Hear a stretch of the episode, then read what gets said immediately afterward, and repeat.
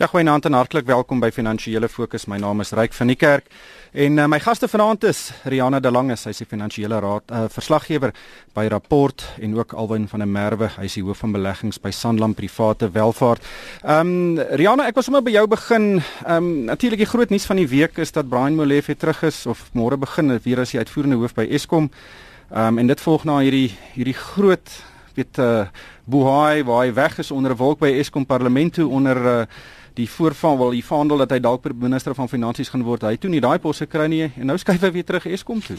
Ja, ek moet sê dit is nog 'n uh, bizarre verwikkelinge hierdie week. Um, mense het half soos Vrydagoggend kon jy ek kon nie glo wat ek hoor nie. Jy weet dit was my besonder vreemd.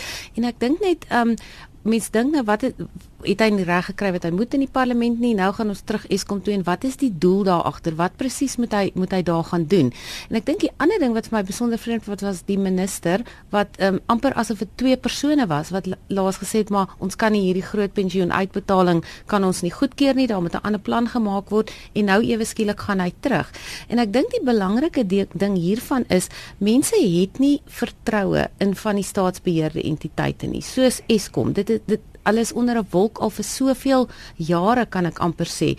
Baie dinge wat gebeur het by Eskom onder meneer Molefe is is dinge wat um, selfs in die staatskaping verslag uitgekom het. Daar's baie insinuasies daaroor in hom in die rol wat hy gespeel het daar. En nou is die persoon terug. Jy weet en, en mense wonder wat het gebeur. Hy het gesê hy verlaat Eskom om sy naam skoon te kry en in die in die sin van goeie korporatiewe bestuur. Nou wat het nou eers skielik gebeur? Dis net 'n paar maande later. Ja. En dan kan ons natuurlik praat oor die uh kredietgradering ontwikkelingsagentskappe want vir baie van hulle is is wat gebeur by staatsbeheerde entiteite is 'n baie groot probleem want dit plaas 'n geweldige druk en 'n las op die regering. Jy weet vir al die waarborge en so aan en wat gebeur? Ons sit met Moody's. Ons gaan sien wat gebeur seker binnekort.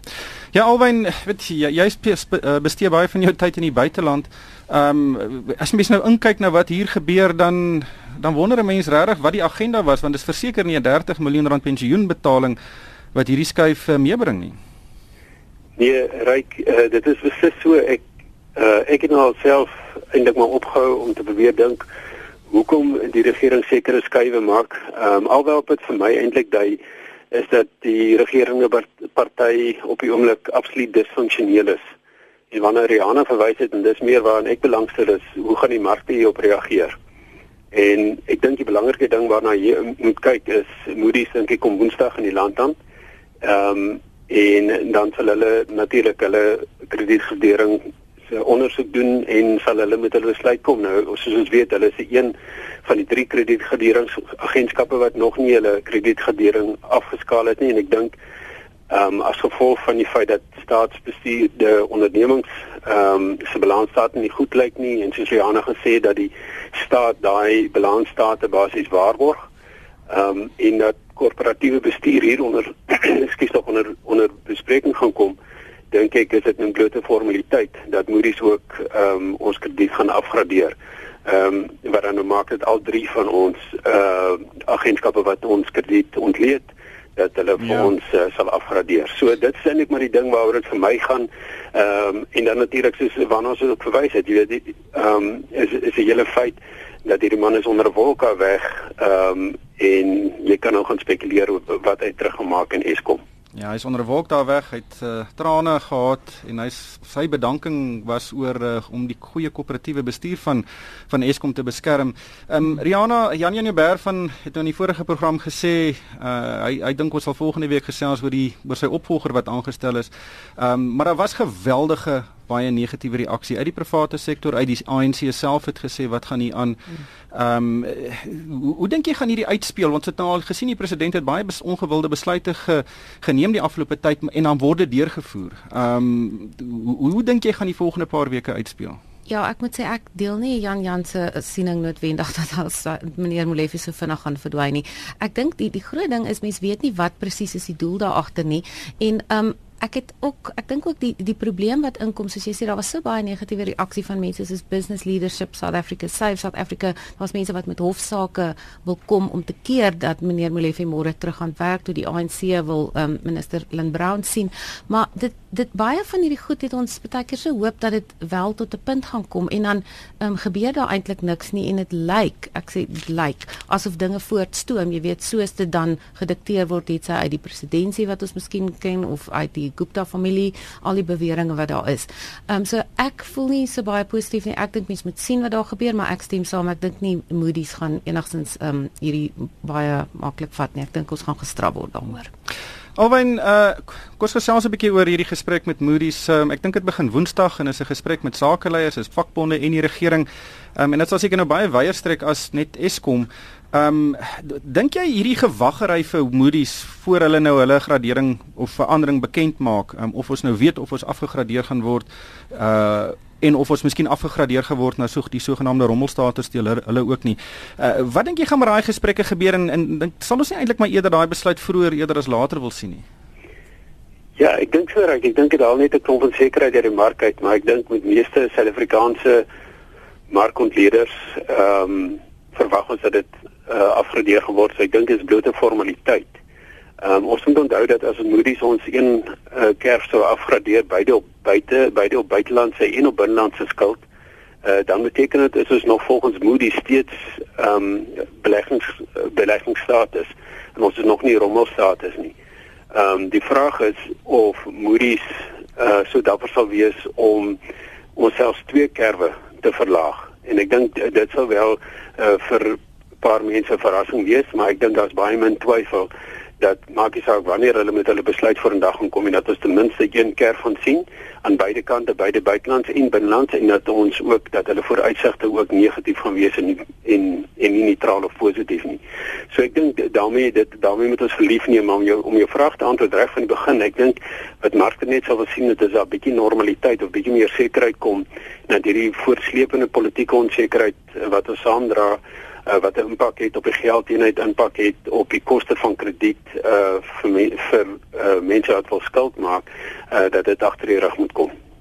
Ek wil iets net byvoeg daar. Ek dink die groot ding is ja, ons ons verwag die afgradering, maar die probleem waarmee sit in die land is die absolute gebrek aan vertroue. Daar's 'n daar's 'n vertrouensbreuk en mense het dit op rekord gesê in die regering, die uh sakelei, dit daar's 'n vertrouensbreuk tussen sakelei en die regering. Nou gesprekke gaan voort en verlede week op 'n stadium het ek met um, Dennis George van Fidusa gepraat en hy het sê hulle is definitief verbind daartoe om met die regering te praat en te kyk hoe hulle aan hierdie ding kan werk. Maar as ons nie vertroue het aan die sakegemeenskap nie, verbruikers het nie vertroue nie, waar gaan ons enigsins internasionale beleggers na die land toe lok wat seker is om met vaste geld hiernatoe te kom om ons te help en ek dink dit is vir my 'n baie groter dis vir baie mense 'n baie groter kommer. Ja. Ryk ja, dit skep uh, dit skep 'n probleem in terme van ekonomiese groei vorentoe en, en dit is iets wat nie oornag gebeur het nie. Jy kan as jy kyk die die belangrike syfer waarna mense maar kyk is ehm um, hoe beide die staat en natuurlik vir al die private sektor hoe hulle vaste investering in die land doen. En daai syfer het nou al vir die laaste 3 jaar afwaarts geneig en ek dink vir die laaste 3-4 maande is vaste investering het dit negatief gegroei. En nou vaste investering is daar waar jy fabriek bou uh en dit is waar jy kapasiteit skep om ekonomiese groei te uh, te skep in die, in die toekoms en dit sien ons nie meer nie. Wat die buitelandse beleggers van betref, hulle kan op twee maniere belê. Hulle kan of investeer in land in 'n fabriek, ehm um, of hulle kan bloot ehm um, uh, 'n portefeulje belegging maak. Met ander woorde, koop 'n Suid-Afrikaanse aandeel of 'n aandeel wat op Suid-Afrikaanse beurs genoteer is of hulle belê in in skuld. Nou wat die skuld aan betref, het ons nog steeds redelike invloed gesien ten spyte van die afgraderings wat ons in ons krediet gesien het. En in my mening ehm um, is dit kan ons dit waarskynlik toeskryf aan twee faktore. Ehm um, die een is dat ontlikeende markte as 'n mandjie het 'n klomp geld getrek omdat die omdat die opbrengskoerse van staatseffekte in ontlikeende markte hoog is. En Suid-Afrika is nog steeds deel van daai mandjie en ons is daai bevoordeel. Ehm uh, as ons nie meer in daai mandjie gaan wees nie, uh, gaan dit 'n wesenlike impak hê. En dan die ander ding is uh, ook ons moet onthou dat buitelanders nie net in die buiteland ons staatseffekte koop nie, maar ook binnelands. En omdat ons nie rommelstatus ons skuld nie rommelstatus binnelands het nie dit is ook gekry dat buitelanders ons ons skuld koop het maar as daai faktore verander uh, dan moet ons ek dink dit is wanneer ons groot probleme gaan sien met die met die wisselkoers ja. groot probleme gaan sien met koste van skuld ons het hierdie week ook gesien Transnet um, wat effekte uitgereik het en daar was nie eh, 'n uh, vraag daarna nie hulle toe die hele um, die veiling gekanselleer En dit kan dalk die eerste van verskeie ehm um, weet uh, staats weet effekte veilings wees waar daar net nie reaksie is van buitelanders of plaaslike beleggers nie.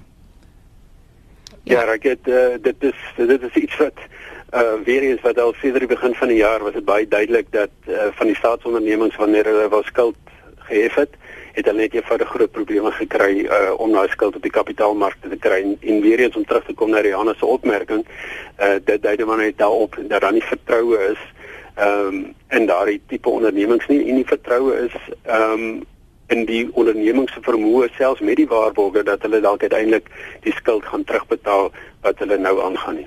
Ja, en jy weet wat mense net ook onthou, toe um, ons deur Fitch en S&P afgegradeer is, was daar onmiddellik mense wat sê wat gaan aan en ons het al hierdie goed gelees, wat beteken dit? Maar so baie mense het gesê nee, ons moet hierdie tyd gee, 3 maande, 4 maande, 6 maande verder, dan gaan ons die dinge begin sien. En kyk, dit is moontlik waar ons nou is, ja. Ja, ek dink oor 'n jare wat gaan hy gaan ons om regtig voel. Mariana, kom ons gesels oor die jaarverslag van die kommissie vir gelyke indiensneming wat hierdie week gepubliseer is. Ehm um, nou Mildred Olifant, sy is die minister van arbeid, ehm um, het dit bekend gemaak en sy was baie baie ontstel oor die bevindinge van daai verslag en daar's 21 maatskappye wat boetes opgelê is. Baie van hulle is op die genoteerde maatskappye soos groot ehm um, sogenaamde weet goed bestuurde maatskappye wat nie voldoen het aan aan hierdie wetgewing nie. Ehm um, en en dit bewys net weer eens dat daar die transformasie in die, in ons koöperatiewe sektor nie vinnig genoeg vinnig genoeg plaasvind nie. 70% van die topbestuursposisies is steeds word steeds deur wit persone ehm um, beklee. 14% deur swart mense en 9% deur bruin mense. Ehm um, en en maar dit is 'n sensitiewe onderwerp hierdie. Ehm um, en en ons moet daaroor gesels en met mense kan nie die regering kritiseer oor baie as, aspekte nie en dan voldoen baie van hierdie maatskappye nie aan die regulasies wat hulle onderskryf nie. Ja, want wat interessant is, die boetes waaroor gepraat is, dit gaan eintlik alles oor administratiewe oortredings, as mens dit so kan sê, of daar was 'n uh, verslae wat nie reg ingedien is nie, mense het dit nie ingedien so aan nie. So dit wys jy daar's nie eintlik nog iets wat gebeur om mense te help of te forceer of te straf dan om werklik transformasie toe te pas nie. En die kommissie vir diensbillikheid het met 'n voorstel gekom dat daar 'n spesifieke artikel in die um, wet op gelyke indiensneming, artikel 53, want soos ek dit verstaan tot dusver dormant was en hulle het nou aanbeveling aan die minister gemaak om dit te uh, promulgeer wat dan gaan beteken maatskappye sal um, moet aansoek doen vir 'n voldoeningssertifikaat om te kyk het hulle presies sekere teikens bereik en dit lyk asof daar moontlik ook 'n kode gaan wees 'n nuwe gedragskode of vereistes wat die minister dan kan stel vir baie spesifiek van hierdie goeders. Ek dink wat wel interessant is van die verslag en um mens dit mens sal dit meer moet ontleed om te kyk wat is die ouderdom van mense op topbestuursvlak. Maar daar is wel en die kommissie het ook die um erkenning gegee daaraan dat daar op senior bestuursvlak begin hulle wel sien dat dinge verander wanneer dit kom by die hoeveelheid professioneel gekwalifiseerde mense sien ons dat dinge uh begin jy weet nie heeltemal so skeef getrek word na die een rasse groep toe nie en dat dit uiteindelik kan deurvoer maar die minister het gesê dis pynvol stadig die proses. Alwen ehm um, Richmond het ook hierdie week resultate aangekondig Vrydag. Ehm um, dis natuurlik 'n uh, weet 'n uh, aandeel wat in meeste weet 'n um, nie spekulatiewe portefeuilles moet wees nie. Dis 'n ou staatmaker in Suid-Afrika, dis van Rupert familie. Ehm um, maar die resultate was baie swakker as wat verwag is. Die aandelepryse het pak slag gekry. Ek dink hy's meer as 6% af Vrydag. Ehm um, en uh, Johan Rupert was ook in 'n taamlike veglustige by met die perskonferensie en hy het gesê as aandelehouers nie daarvan hou van wat hy as hulle nie hou van wat hy doen nie, dan moet hulle maar hulle goed vat en loop. ja, met uh dis daai tipe aanhalings wat mense baie keer laat glimlag uh, ry. Uh kom ons uh, ek ek sou ek sou graag wil terugkom na die aanhaling toe. Ehm um, maar as ek net eers op die op die feite kan fokus as jy nie omgee nie. Ja. Ehm um, is die, die resultate uh was leerstellend wat ek dink wat gebeur het die laaste 6 maande of so was was dit redelik duidelik dat vanuit 'n wêreldoogpunt dat ons 'n uh, gesinkroniseerde wêreldgroei gekry het hoewel dit nie baie die momentum nie baie sterk was nie was dit gesinkroniseer en ons het gesien dat van die ander uh, luxe goedere maatskappye soos LVMH het met baie goeie resultate vorendag gekom en wat ons gesien het is dat baie van die wêreld se ontleeders van Richmond het hulle winsverwagtinge ehm um, opwaarts aangepas. As ons kyk in die resultate. Ehm um, die verkope was op die volle jaar nou moet onthou dat hulle tweede jaar uh, tweede helfte van die jaar winste verklaar en dan natuurlik ook die volle jaar. Verkope was op die volle jaar 4% af, maar as jy mooi gaan kyk ehm um, in handelswins ehm um, is met 14% af uh vergeleke met die vorige jaar. En dit sê vir jou as jy verkoop net met 4% af is, maar jou wins is af met 14%, sê dit vir jou dat jy margedruk onder ondervind het. En dan moet jy so 'n bietjie dieper kyk na na wat verkoop Richmond. Nou ehm um, die twee groot afdelings is juweliersware en dan die ander groot wat ek dink is omtrent 45% van hulle wins en dan 27% van hulle wins kom kom uit horlosies uit uh, wat hulle van die wêreld se beste handelsmerke het. En dit is vir al die horlosiemakery of die horlosieverkope wat onder groot druk gekom het en die marges uh, die die uh, bedryfsmarges het letterlik gehalveer ja. uh, oor 'n jaar en dit het en en dit maak beleggers skepties want wat beleggers sê en dit is waar meneer Rooper se opmerking vandag gekom het wat beleggers sê is dat Richmond eenvoudig nie tred gehou het met verandering in in verbruikersbetone waar jy klomp slim horlosies gekry het ensovoorts nie. En hy en nou moet ons onthou waar meneer Rupert vandaan kom, want 6 maande gelede het hulle beduidende veranderinge gemaak op bestuursvlak. Nou ek dink mense is so bietjie naïef wees uh as jy dink dat nuwe bestuur binne 6 maande 'n groot verskil gemaak aan 'n reus soos soos Richmond. So ek dink wat meneer Robert eintlik maar net sê, julle moet ons vertrou as bestuur en vir ons tyd gee. Uh en hy terloops hy het ook erken dat sekere foute gemaak is dat en vir ons tyd gee en dan ook ja. tyd van ons intrinsieke waarde toevoeg. Net in letterlik 20 sekondes as uh jy nou uh, Richmond in jou portefeulje het, wat moet ek nou wat moet jy môre doen? Ek sou beslis nog koop nie. Dit niks te doen met die intrinsieke waarde nie. Alles te doen met die prysryk. Hy verhandel op 'n baie duur prys-verdienste verhouding. Ehm um, uh, Rihanna net laastens uh, Whitey Basson natuurlik die uh, voormalige uitvoerende hoof van van Shoprite. Ehm um, hy het uh, Shoprite het omtrent 1,8 miljard rand van sy aandele teruggekoop nadat hy 'n opsie uitgeoefen het en dit gaan nou klomp rente op die op uh, die maatskappy se balansstaat of inkomste staat laat deurvloei heelwat 'n groot las daarop maar 1,8 miljard rand se aandele wat hulle moes terugkoop. Dis 'n ongelooflike groot hoeveelheid geld. Wat is die situasie? Ja, ek dink wat ek net daar uit gesien het in in ehm um, goeders wat mense in ontleed het in die week is dat dit is eintlik omdat die die situasie al van 2003 afkom dat dit 'n deel van die dienskontrak was en dat dit half 'n verrassing was vir die vir die aandeelhouers en ehm um, dat hulle voel hulle moes op hoogte gehou geword het van hoe hierdie die um verpligting op die maatskappy kan groei en wat dit hulle uiteindelik sal kos. Nou, een van die ontleeders, ek dink Netwerk 24 het met iemand gepraat wat gesê het as jy dit uitwerk, daai hoeveelheid en die volume van daai aandele kan omtrent 60 dae vat om in die mark te verhandel. So, ek weet nie, ek dink dit is 'n baie um moeilike situasie en die aandelepryse daar ooit ook baie slag gekry hierdie week. Ja, ek dink uh daar's baie aandeelhouers wat baie ongelukkig is um, omdat hulle nie geweet het daarvan nie. Ja, wow. en hulle sê hulle het gesoek in jaarverslae, dis of baie goed versteek of baie goed verwoord, hulle vind dit nie. Ongelukkig uh, hierdie tyd ons ingehaal. Baie dankie aan uh, Riane de Lange van uh, rapport en Alwyn van der Merwe van Sanlam Private Welvaart en vir my ryk van die kerk. Dankie vir die saamluister en ek hoop almal het 'n winsgewende week.